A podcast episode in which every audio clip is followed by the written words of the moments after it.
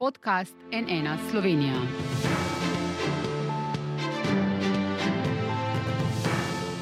Dobar dan, to je NN studio. Kljub temu, da vlada sklepa dogovore s sindikati v javnem sektorju in zvišuje plače, se nezadovoljstvo stopnjuje in sproža nove in nove zahteve. Tudi gospodarstvo je kljub pomoči v energetski krizi vse bolj glasno, tudi na račun občutno više minimalne plače. Sprašujejo se, kdo bo vse to plačal, enako opozarja fiskalni svet. Seveda, javne izdatke bo kot vedno plačal proračun, a kako ga bomo v teh negotovih časih polnili? Zadolževanjem ali pa si bo država vzela več davkov? Če da, kje in kako bo to vplivalo na konkurenčnost našega gospodarstva? V studiu prav lepo pozdravljam današnja gosta, gospod Tilen Božič, državni sekretar na Ministrstvu za finance. Dobr dan. Zdravljeni. In gospa Petra Jovančič, izvršna direktorica Združenja Manager. Dobrodošli. Dobar dan. Če začneva midva, gospa Jovančič, finančni minister Klemen Boštjančič je že lani eh, na zaslišanju na odboru v parlamentu dejal, da višja poraba da, ampak izključno na ukrepih z merljivimi učinki, ki na dolgi rok ne bodo negativno vplivali na javne finance. Vas torej ob vseh teh dvigih, ki jih spremljamo, najbolj skrbi to, da morda ne bo merljivih učinkov, da nima v zasebnem sektorju avtomatskega napredovanja ni. Uh, ja, verjamem, da je imel gospod minister uh, najboljše namene, ko je to izjavil, ampak trenutna situacija pa kaže malce drugačno sliko. Uh, trenutno spremljamo zelo velik pritisk na javne finance z vseh ozirov. Mi se zavedamo, ne, da v Sloveniji imamo trenutno kar veliko pomankanja kadrov, tako v gospodarstvu, kot tudi v javnem sektorju. To zdaj občutimo in pri zdravnikih in pri šolnikih. In seveda so tudi pogajalske moči na tej strani potem večje in so začeli prihajati razno razni apetiti ki jih pa rešujemo precej parcialno. Eh, če se vrnemo nazaj, recimo enih 15 let, ko je bila upeljana približno takrat eh, Virantova reforma in enotni plačni sistem v javnem sektorju, je bil takrat upeljan z namenom, če se boste spomnili, bilo takrat veliko razno raznih ekscesov, eh, brali smo o razno raznih plačah v medijih in je bilo treba vse skupaj spraviti na en skupen imenovalec. Seveda je bil problem potem tega sistema, da se ni posodabljal, da se ni nadgrajeval, ampak so se vsta čas parcialno reševali zadeve glede na pritiske interesnih skupin. In zdaj v taki situaciji pomankanja kadrov in vseh ostalih izzivov, ki so, je logično, da je to zdaj postala neka spirala. Poslušamo, da so tudi, ne vem, cariniki napovedali, davčni inšpektori, danes beremo o županih, a ne. Uh, ni za zanemariti, kar je velik pritisk na javno finančno sliko, tudi napovedan shod upokojencev. Uh, mislim, da ima vlada telik, zelo težek izziv, da bi morala pravzaprav ta plačni sistem naslavljati zelo celovito in se pri tem vprašati tudi, kaj bodo učinki, ne samo, da se nek denar daje, ampak tudi, kaj bomo optimizirali, bomo delali kaj na vidki državi, kaj bo boljše za uporabnike. Trenutno je situacija taka, uh, tudi da ne deluje, kot da je Ministrstvo za finance zelo aktivno vključeno.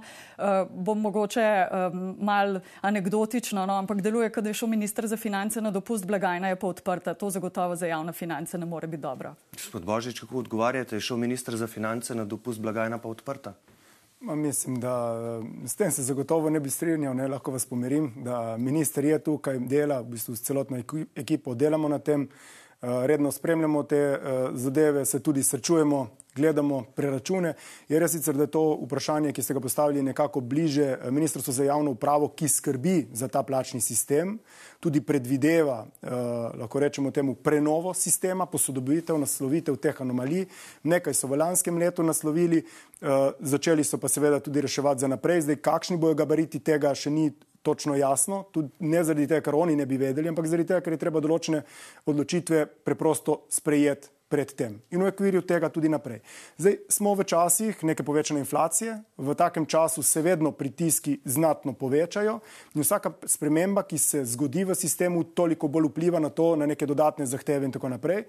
Jaz upam, da bodo tudi se pravi, to je pa zdaj stvar vseh nas, se pravi, celotne vlade, ministr za finance, ministr za javno upravo, z vsemi temi uh, vodili, se pravi, dialog, da se potem nekako omogoči, da pride do tiste, lahko rečemo temu, neke katarze, ko se sistem postavi na neke uh, prenovljene uh, temelje, uh, kar seveda tudi na ministrstvu za finance pričakujemo. Ampak Ko omenjate dialog, ne, ali drži, da za ta dodatek v pravosodju v višini 600 evrov bruto, ki ga je na občnem zboru eh, sodniškega društva kot nekakšen happy end napovedal kar premijer Golob, eh, da na finančnem ministrstvu za to niste vedeli oziroma da ni bil usklajen, to drži? Kot so moje informacije, se pravi, ministrstvo za finance je vedno vključeno v te debate. Tukaj treba povedati, se pravi, da glavnino vodi, kar se tiče pogajanj in premikov, Ministrstvo za javno upravo. Seveda imamo tudi prvega ministra in v tem trikotniku ali pa lahko tudi večkotniku morajo biti zadeve vedno sklejene. So bi tokrat bile potem ali ne?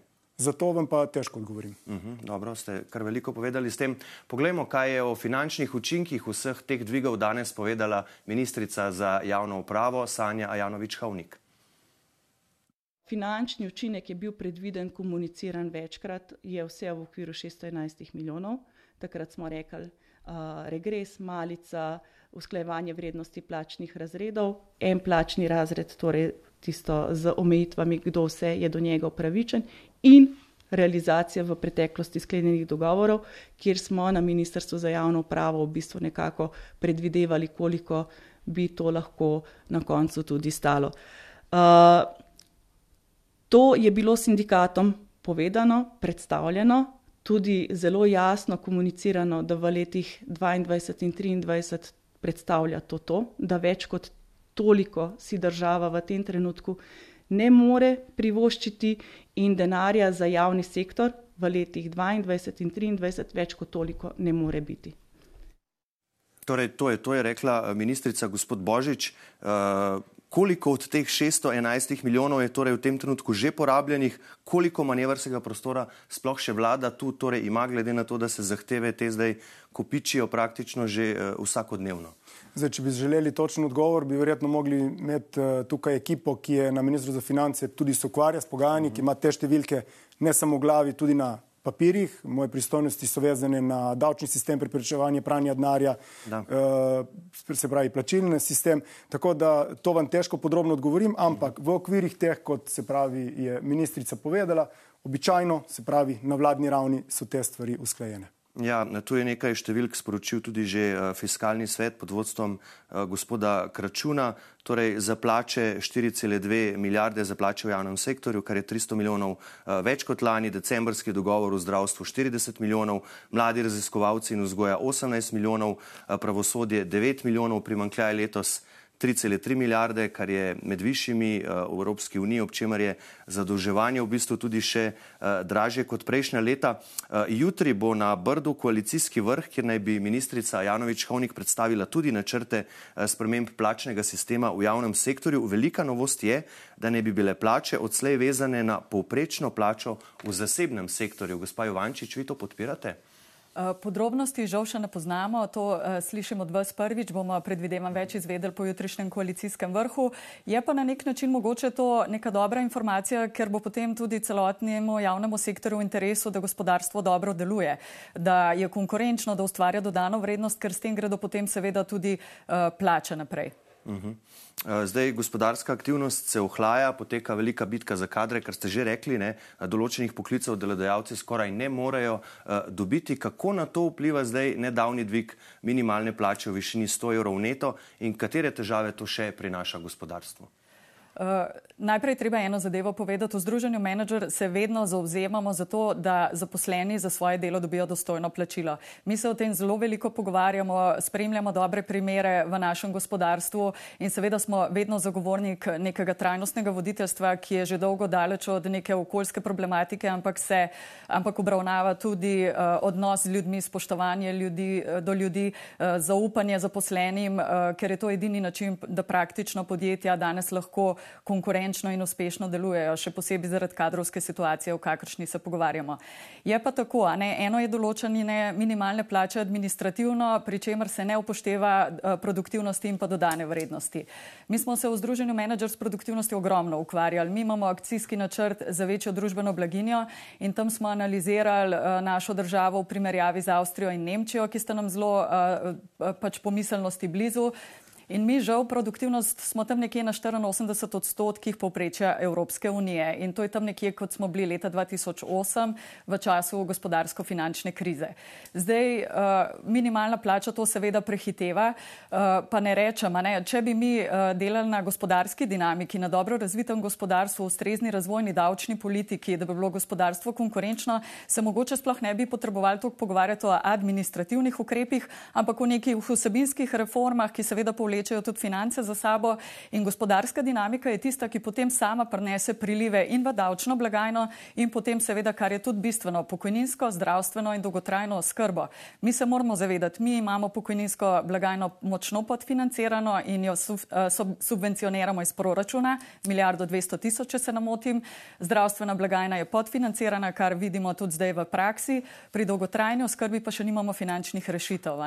In to so vse zadeve, ki bodo tudi še izziv v prihodnje in eh, tukaj je fiskalni svet eh, pravilno upozoril, da je treba izhajati iz tega, kaj si lahko kot država prvoščimo in da moramo proračun oblikovati veliko bolj vzdržno. Mhm. Gospod Božič? Ja, morda prva reč, tale minimalna plača, model, kako se določa, je bila v bistvu postavljena nekako človekocentrično, ne? se pravi takrat, ko se je spremljal zakon.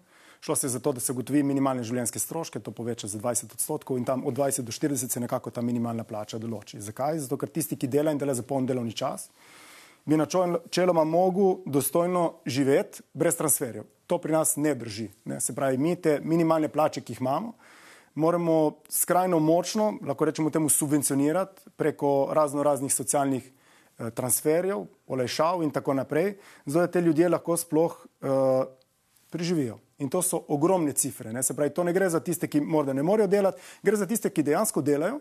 In če jim država ne bi zagotavljala vseh teh transferjev, ne bi mogli preživeti, ta podjetja pa imajo načeloma niže marže. In vprašanje, če bi bila sploh izvozno konkurenčna, če tega država ne bi dala zraven. In tu se zagotovo strinjam, da gre za neko spremembo koncepta. Prva zadeva, ki je tukaj na mestu, se je treba zavedati, kje smo in kaj smo. Ker pogosto se pogovarjamo predvsem o industriji 4.0, industriji 5.0 in tako naprej. In to so tista nekaj odstotkov najbolj propulzivnih podjetij, in za ta je treba skrbeti in omogočiti, in ta so dejansko dušena v trenutnem sistemu. Mm. Uh, je pa tista velika množica, ki je pa, rečemo, tisti slon v sobi, ki se nekako pozabljamo z njim ukvarjati. Tam pa, so največje priložnosti in za razdodane vrednosti, produktivnosti in tako naprej, pri čemer pa se seveda ugotavlja, da v marsikateri družbi. Ljudje, ki so morda nižje eh, tudi izobraženi, delodajalci v njih lahko tudi 20, 30, 40 let ne vložijo niti evra v smislu znanja, v smislu tega, da bi nekdo postal, se pravi, tako odporen, lahko rečemo, na prihodnje izzive, da bi delodajalec postal odporen na prihodnje odzive, izzive, da bi lahko neke nove poslovne modele dal, neke nove razvojne projekte dal na mizo, zaradi tega, ker preprosto se je ujel spiralo v tega, da ni usposobil ljudi, da bi lahko ta prehod mu pomagali narediti. In mi bomo mogli tukaj najti neko skupno pot, kako to rešiti, nasloviti, da se te ljudje nekako izvijajo iz uh, nizkih plač, da se ta podjetja izvijajo iz primeža nizke dodane vrednosti in da se država izvija iz teh silnih transferjev, ki jih vsako leto namenja delovno aktivnim.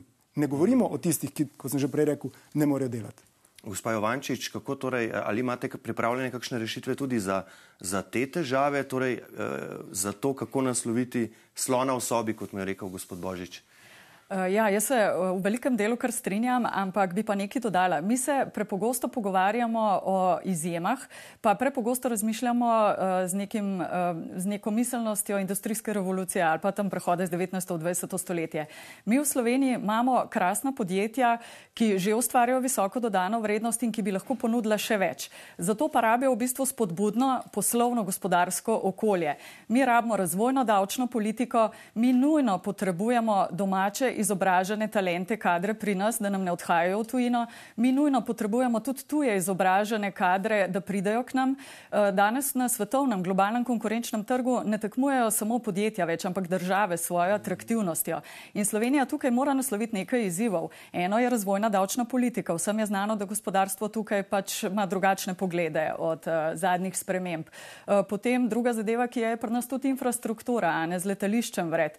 Uh, in še kupica, no, ta takih zadev uh, veliko več moramo narediti in vlagati v to, da bodo ljudje lahko ustvarjalno delali pa da bomo res v končni fazi tudi pri davčni politiki, če se pogovarjamo o razvojni kapici, za katero se uh, si v gospodarstvu že dolga leta prizadevamo. Naj povem, da tukaj sploh ne gre za menedžerske plače, ampak si mi želimo dobro izobražene kadre, razvojno naravnane ljudi, ambiciozne, ki potem uh, nam pomagajo tudi pri oblikovanju novih rešitev, pa če govorimo o digitalizaciji, o zelenem ali čimarkoli, kar bomo kot država počeli, da potegnejo to naprej. Seveda to, ta, to potem avtomatsko potegne tudi vse ostalo za sabo. Skratka, jaz se spomnim časov, v 90-ih smo se mi zelo želeli, da bomo med top 20 konkurenčnih držav. Ne? Pa smo trenutno na 38. mestu, smo vmes kar precej nazadovali, tako da imamo tukaj neki prostora za napredek in zelo veliko tega smo mi v tem akcijskem načrtu, ki sem ga prej omenila, razdelali, predlagali ukrepe. Tudi moram zelo pohvaliti, ker v politiki bil ta akcijski načrt in vsi ti ukrepi vsebinsko zelo dobro sprejet.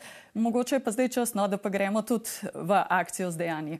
Ja, gospod Božič, eh, ali bo država dodatne izpade iz proračuna nadomeščala z višjimi davki? Jutri boste na Brdu predstavili tudi načrte davčne reforme. Kateri so glavni podarki? Lahko morda že kaj poveste o tem, tudi glede na to, kar pravi gospa Jovančič, da je pač treba gospodarsko okolje uh, narediti bolj konkurenčno. Zdaj, najprej generalno, kar se tiče konkurenčnosti. Če bi šli gledati samo podatke, ki so na razpolago in pogledamo davčno breme, recimo v deležu BDP-ja, V poprečju Evropske unije je to zadnji podatki so približno 42 odstotkov BDP-ja. V Sloveniji smo približno 5 odstotnih točk nižje. Ne? Se pravi, ne gre zgolj samo za uh, obseg obremenitve, gre za način obremenitve. In ko pridemo do načina obremenitve, ugotovimo, da vsakič, ko je imel nekdo uh, nekaj časa, če se milo izrazim, ne, je pač posegal v davčno zakonodajo dosti parcialno. Ne? Se pravi, če pogledamo, 2006 je bil sprejet uh, zakon o dohodnini, od takrat je bilo recimo 31 novel sprejetih, to je dve na leto. Eh, potem imamo 17 sklicov na druge zakone, 20 sklicov v drugih zakonih na zakon o dohodnino. Se pravi, mi smo iz tega naredili, oprostite izrazu, eno srače gnezdo. Se pravi, in vedno to gre v ciklih. Zdaj treba priti do tega, da ko se pogovarjamo o prenovi, se sistem uh, ne bom rekel temu resetira, ampak postavi na tista temeljna načela, ki morajo biti v davkih, se pravi, da se plača po ekonomski moči, da je sistem pregleden, da vsak, ki prime zakon v roke, si je sposoben z recimo neko osnovno izobrazbo razložiti, kaj ta od njega pričakuje in koliko davkov bo na koncu plačan. Že to začne potem dvigovati neko zaupanje v ta davčni sistem. Potem, ko gremo gledati recimo davko dohodka pravnih oseb, tega poberemo med 300 milijoni in milijardo in pol. Silovito niha kar je za javne finance zelo velik izziv. Ampak recimo zadnji podatki, tam nekje 350 milijonov evrov je tisto, kar se nekako skozi olišave spusti, to je razvojna lešava, investicije v, v, se pravi, v osnovna sredstva in tako naprej. Se pravi, to so neki razvojni momenti. Kar pa recimo se bomo naslovili, oziroma je cilj, da naslovimo, je pa povezavo horizontalno z drugimi politikami. Ker v eni točki, tudi skozi vsa ta leta, se je povezava med davčno politiko in drugimi politikami zgubila. Se pravi, vsak resor je nekako začel kren, je krenil svojo pot, mm. če se tako izrazim. Se pravi, mi se moramo bolj povezati s tem, kar so politike na gospodarskem področju, s tem, kar so tudi politike na področju socialne in tako naprej, da bodo te politike med sabo sinhronizirane. Tega, ker mi ugotavljamo, da poleg teh izpadov, če rečemo iz naslova davčnih olejšav, vsako ministrstvo ima še neke svoje ukrepe, ki so lahko komplementarni, lahko so celo nasprotujoči, jih plačuje za to, da jih izvaja in na koncu lahko ugotovimo, da se morda celo med sabo neutralizirajo. Tako da mi zdaj smo naredili nekako eh, pregled vsega tega, pripravili nekaj izhodišča in jaz računam na eno dobro debato, ki se bo potem v naslednjih eh, tednih izkristalizirala do te mere, da bomo vedeli, v katero smeriti. Je pa vedno odvisno, se pravi, kako bo končna zasnova neke take prenove, eh, odvisno od tega, kaj bo nek družbeni konsens. Tudi predsednik vlade je že omenil, da bo treba priti do nekega družbenega dogovora. In to dejansko pomeni, kakšna so pričakovanja do te države, katere storitve naj nudi, v kakšnem obsegu. Zaradi tega, ker na podlagi tega bomo mi vedeli, vsaj za glavne agregate, to so plače, pokojnine, rekli ste dolgotrajna oskrba, zdravstvo in tako naprej, obramba, ne na zadnje, šolstvo, kakšen delež te bodo v BDP-ju, na ta način bomo na srednji do dolgi rok ocenili, koliko dejansko javnih sredstev se pri, pač pričakuje, koliko se da prihraniti na račun optimizacije in koliko je treba potem narediti davčni zajem. Je pa treba vedeti, da nekateri agregati bojo sirli gor, ne glede na to, kaj naredimo. Jih zoptimiziramo, vendar prebivalstvo se stara, se pravi za zdravstvene storitve bo verjetno moglo tako ali drugače v času več. Imamo dolgotrajno skrbo, ki je tudi s tem povezana. Imamo potem pokojninski sistem, ki je tudi s tem povezan. Imamo povezano ne na zadnje tudi javni sektor, plače v javnem sektorju, ne zgolj z vidika plač, ampak števila zaposlenih, ker za storitve raste, pomoči ja. ljudem se povečuje. In če boste gledali, ne glede na vlado, tudi če je zatrjevala izjemno vehementno, kako bojo šli v vitko uh, organizacijo, ko se sooči z dejstvi, ugotovi pa nekaj tisoč več zaposlenih, se konča praktično vsak mandat. In tu bo treba seveda preudarno nastopiti z nekimi analitičnimi podatki in se tega odgovorno lotiti. Gospod Jovančič, prikimavate, torej pomeni, da se strinjate s temi nekimi ja, načelnimi ja, usmeritvami? Tako v velikem delu se strinjam in to, kar je gospod Božič uh, prej le povedal, uh, kar se tiče davčne reforme ali pa vseh ostalih reform. Mi zelo radi z vsako vlado spreminjamo vse, a ne? Jaz mislim, da rabimo tudi neko stabilno okolje in ko se bomo enkrat konsenzualno dogovorili, kakšna bo davčna reforma, da se potem uh, to nekaj časa ohrani, ker, a veste, kako je s kapitalom pa investicijami v naši državi. Če investitorji vidijo, da morajo vse čas iskati neke razlage, podlage se kapital zelo hitro preseli tudi drugam. Sama to opažam pri mladih in start-up podjetjih, ki dosežejo določeno količino prometa oziroma uh, določen, želijo določen kapital pridobiti, se zelo hitro preselijo v tujino. Uh, mladi so še posebej otroci sveta in uh, pač lahko delujejo praktično odkudarkoli. Uh, drugo, kar je, kar se pa tudi zelo strinjam, mislim, da naša družba potrebuje res celovit družbeni dogovor, da se podsistemi med sabo začnejo pogovarjati in da pridemo skupaj skupaj do nekega konsenza. Jaz se bojim, da smo imeli to na zadnje, ko smo se odločili za Evropsko unijo in za evro. Mi rabimo jasen fokus, eh, seveda tudi eh, potem jasne prioritete in cilje in da potem vsi skupaj to peljemo naprej. Sama pogosto rečem, da najlažje je sproducirati konflikt. Rešitve so veliko težje, ampak mislim, da je čas, eh, da počas gremo v to smer. In kot je povedal gospod Božič, se je že dotaknil demografije. To, kar v Sloveniji velikrat pozabljamo, demografska slika trenutno pri nas ni ugodna. In zdaj smo v situaciji, ki so jo strokovnjaki napovedovali praktično 20 let. Eh, prejšnji teden sem šla pogledat na statistični urad. Leta 1954 se je v Sloveniji rodilo 31.800 ljudi, še nekaj več. Eh, medtem ko med leti 95 in 2000, to so te, ki danes vstopajo na trg dela, so generacije okrog 18 tisoč. Se pravi, baby boom generacija se nam upokojuje, priliv na trg dela je manjši. In ob vsem tem bi nam moralo biti zelo, zelo žal za vsakega mladega, ki se nam odseli v tujino in se nikoli ne vrne, in da hkrati z zapletenimi postopki tudi ne znamo pretegant uh, tujih izobraženih strokovnjakov, ki bi mogoče delali za naša podjetja. Morate vedeti, da v Sloveniji se je od 90-ih do danes razvilo zelo, zelo veliko zelo uspešnih družinskih podjetij, ki danes delujejo na mednarodnem trgu in te tudi potrebujejo razvojne kadre za prihodnost. Če se navežem na demografske trende, minister za delo, družino, socialne zadeve in enake možnosti Luka Mesec eh, je dejal, da bi pokojnine višal z dvigom prispevkov delodajalcev. Eh, ali tudi vi, gospod Jovančič, menite, da je to eh, zrelo za ustavno presojo, kot je ocenil ekonomist Matej Lahovnik? Eh, tako bom rekla, pogosto spremljamo te izjave brez prisotnosti ministra za finance, ki je tukaj ključen. To je stvar izračunov. In če se bomo o reformah pogovarjali na tak poenostavljen, populističen način, potem lahko tudi matematiko v šolstvu ukinemo. Vse, kar delamo pri reformah, je povezano s financami in izračuni in kaj si kot država lahko uh, privoščimo. Uh, mi vemo, da v Sloveniji so plače že nadpovprečno obremenjene, uh, tako da si težko predstavljam, da bi šli tukaj v dodatne obremenitve. Uh, vem pa, da so sistemi podfinancirani in da bo treba iskati neke rešitve. Še posebej ob vsem tem, kar so povedala glede demografije oba. Gospod Božič, se na finančnem ministrstvu torej s tem strinjate z višjimi prispevki za delodajalce in SPE? Ne, zdaj jaz ne vem, v kakšnem kontekstu je bilo to izrečeno. Dejstvo je, da vem, oziroma sem se znal. V njihovih načrtih, ki jih bodo jutri predstavili tudi na Brdu pri Kranju, ja, zdaj, glede pokojninske reforme. Ne vem, takšno reč se lahko uporabi tudi zgolj za, lahko rečemo, testiranje ali pa sidranje pozicije. Jaz se ne bi temu dal takega pomena. Aha ker ko se gre v se pravi, eh, pokojninske spremembe, je pa to res izjemnega pomena soglasje socialnih partnerjev. Mm -hmm. Tu ti ne moreš takih stvari prejudicirati. Se pravi, tudi ko se pogovarjamo o pokojninskih spremembah, tam imaš sigurno 50-60 različnih tipov ukrepov, kako se tega lotiš. Dosti stvari bo odvisno, kako bomo mi vzpostavili sodelovanje, pogovarjamo se, se seveda že, ker lahko gremo tudi po drugi poti. Pa rečemo, se pravi, imamo ne vem, izjemno osko osnovo za obračun prispevkov, pa za obračun dohodnine.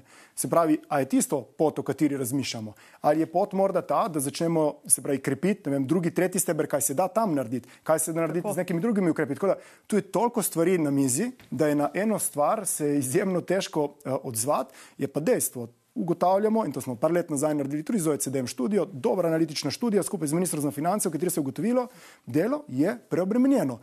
Nizke plače, srednje nizke, ne, srednje, že nekoliko, visoke, izjemno obremenjene. In tu govorimo predvsem o obremenitvi s socialnimi prispevki. In tukaj mi smo, če pogledamo primerjalno v Evropi, smo zmagovalci v tem smislu, koliko obremenjujemo. Z dohodnino smo bistveno nižje od povprečja, recimo tam nekje na polovici tistega, kar Evropska unija pobere, pri prispevkih pa znatno nad. Ne. In zdaj treba je te politike med sabo povezati, ugotoviti, kaj za kaj se bo financiralo, kakšne cilje zasledujemo in potem zakaj pa tudi cilje, ne, zaradi tega, da potem poveš, ali nekaj deluje ali ne. Ker če ne lahko za vsako stvar poveš, ki se jo vedo, da deluje, ne. kar je pa spet politično veselje oziroma želja, ampak tu je pa treba biti in to je tudi vloga ministrstva za finance, da zahteva se pravi neko preglednost, cilje in tudi, da potem do teh pridemo. Sem nekako med vrsticami razumel, da niste najbolj naklonjeni lahko... višjim prispevkom. Izvolite, gospod Ivan. Ja, če lahko uh, s pokojninsko reformo, pa to se zelo navezuje tudi na zdravstveno in dolgotrajno skrbo, ker gre za podobne socialne modele, uh, ki funkcionirajo na principu neke vzajemnosti ti potrebuješ mlade, zdrave, ki to financirajo in so potem uporabniki na starejša leta. Zato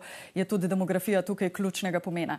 Mi smo se s tem zelo veliko ukvarjali v akcijskem načrtu in smo analizirali, naredili primerjavo v Evropi in kar je zaskrbljujoče pri nas, recimo se uh, zelo pozno vključujemo v zaposlitev, že v mladosti in zelo kmalo odhajamo z trga dela. Sem si zapisala nekaj uh, številk, recimo od 15 do 29 let je pri nas 47 odstotkov zaposlenih, v Nemčiji 60 odstotkov in v Avstriji 62. Pri starejših med 55 in 69 imamo pa tudi nizko delovno aktivnost, ker zelo hitro odhajamo, se upokojujemo uh, oziroma imamo dolgotrajno brezposelnost zaradi razno raznih bolniških. In gospod je omenil OECD in tudi verjamem, da uh, poznajo vso to problematiko zelo v globino. OECD je že zdavnaj dal priporočila, jih leta in leta ponavlja in ne potrebujemo odkrivati tople vode. Mi po eni strani žal, če nam je to všeč ali ne, bomo morali podaljšati podaljšati delovno aktivnost. Po drugi strani bo treba motivirati mlade, da prej začnejo s to svojo delovno aktivnostjo. Razmišljati je treba mogoče o dvojnem statusu upokojencev, da ko se že upokojijo, da lahko še vedno upravljajo določena dela. Potem poenostaviti vso, admin, vso administracijo, postopke, birokracijo, da bomo tudi kakšne izobražene tujce lahko pripeljali v našo državo. Skratka, da vsta portfelj uplačnikov, če tako rečem, tudi malo pomladimo in ukrepimo, ker na ta način bo tudi ministru za finance lažje.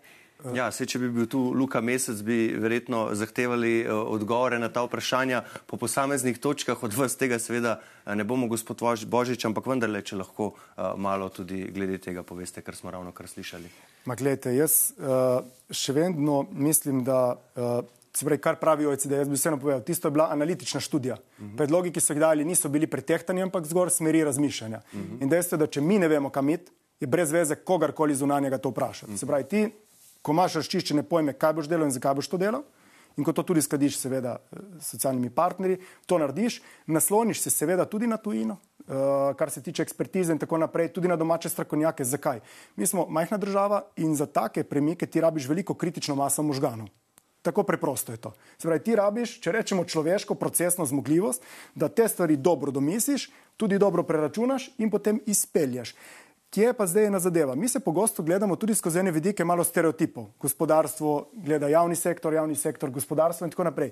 In ta, ta razprava, recimo, ki je bila zdaj rečena glede starejšega prebivalstva, ki se prehitro pokojuje, to je izjemno kompleksna tema, za katero bi rad, da jo odpremo in jo razdelamo. Ker toliko faktorjev, ko na to vpliva, je skoraj da neverjetno. Enega smo prej omenili, koliko vlagaš ti v zaposlene z vidika znanja, da so dolgoročno, se pravi, se počutijo uh, potrebne ne, delati tam in sposobne. Druga zadeva, a imaš ti neko socialno varnostno okolje v tem smislu, da ni morda, predvsem za uh, ženske v tisti starosti, je težava, ker začnejo skrbeti, predvsem ženske, za, uh, se pravi, oslabele starše in ne more si privoščiti tega, da še to dela, ali pa za vnuke.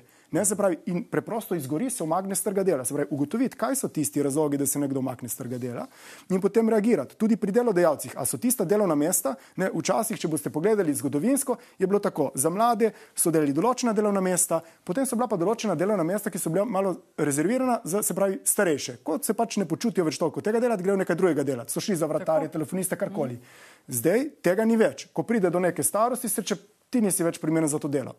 Mislim, v kakšnem smislu? Vsaka družba, vsako podjetje, tudi vsako ministrstvo more na račun tega, da se družba stara, to predvideti in v karierne, se pravi, poti posameznikov to vnesti. Kaj pa in... mladi, ki se pozno vključujejo, kaj pa ta težava? Ma jaz mislim tako, pri mladih je, je spet je, je večplastno to vprašanje. Zagotovo velja stimulirati, da čim prej pridejo na trg dela, čim prej začnejo delati čim prej se pravi, začnejo lahko potem reševati svoj stanovanjski problem, družino in tako naprej. In tako se krok, da mu temu reče, obrne. Ne? In mi pogosto, kaj naredimo? Uh, vsako ministrstvo malo zase, pa vsak parcialni interesent predlaga neke predloge, tisto se spreme, smo navdušeni tistih nekaj tednov, ne?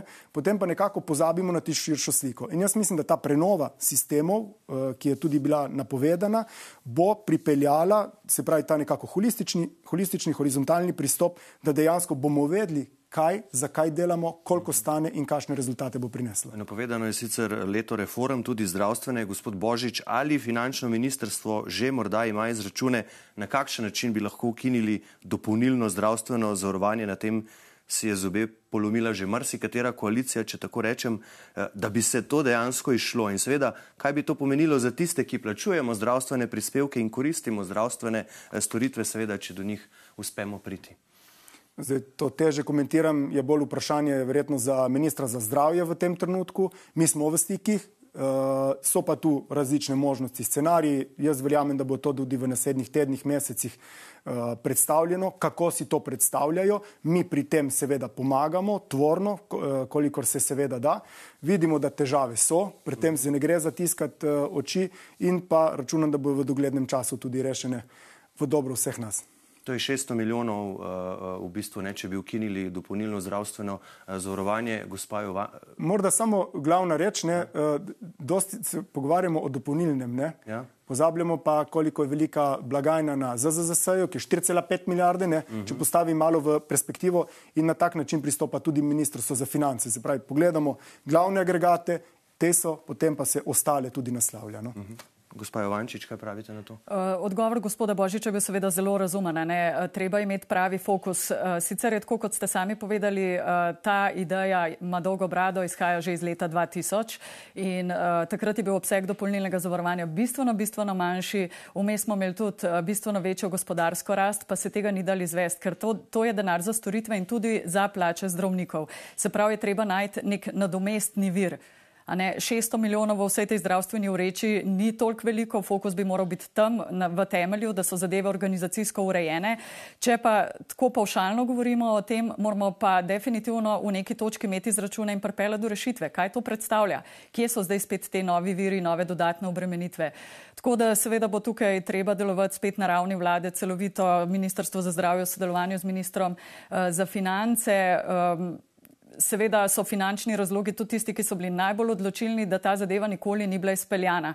Ker mi se lahko o teh ukrepih pogovarjamo zelo uh, populistično, lahko pa probamo verodostojno pokriti vse z izračuni zadej.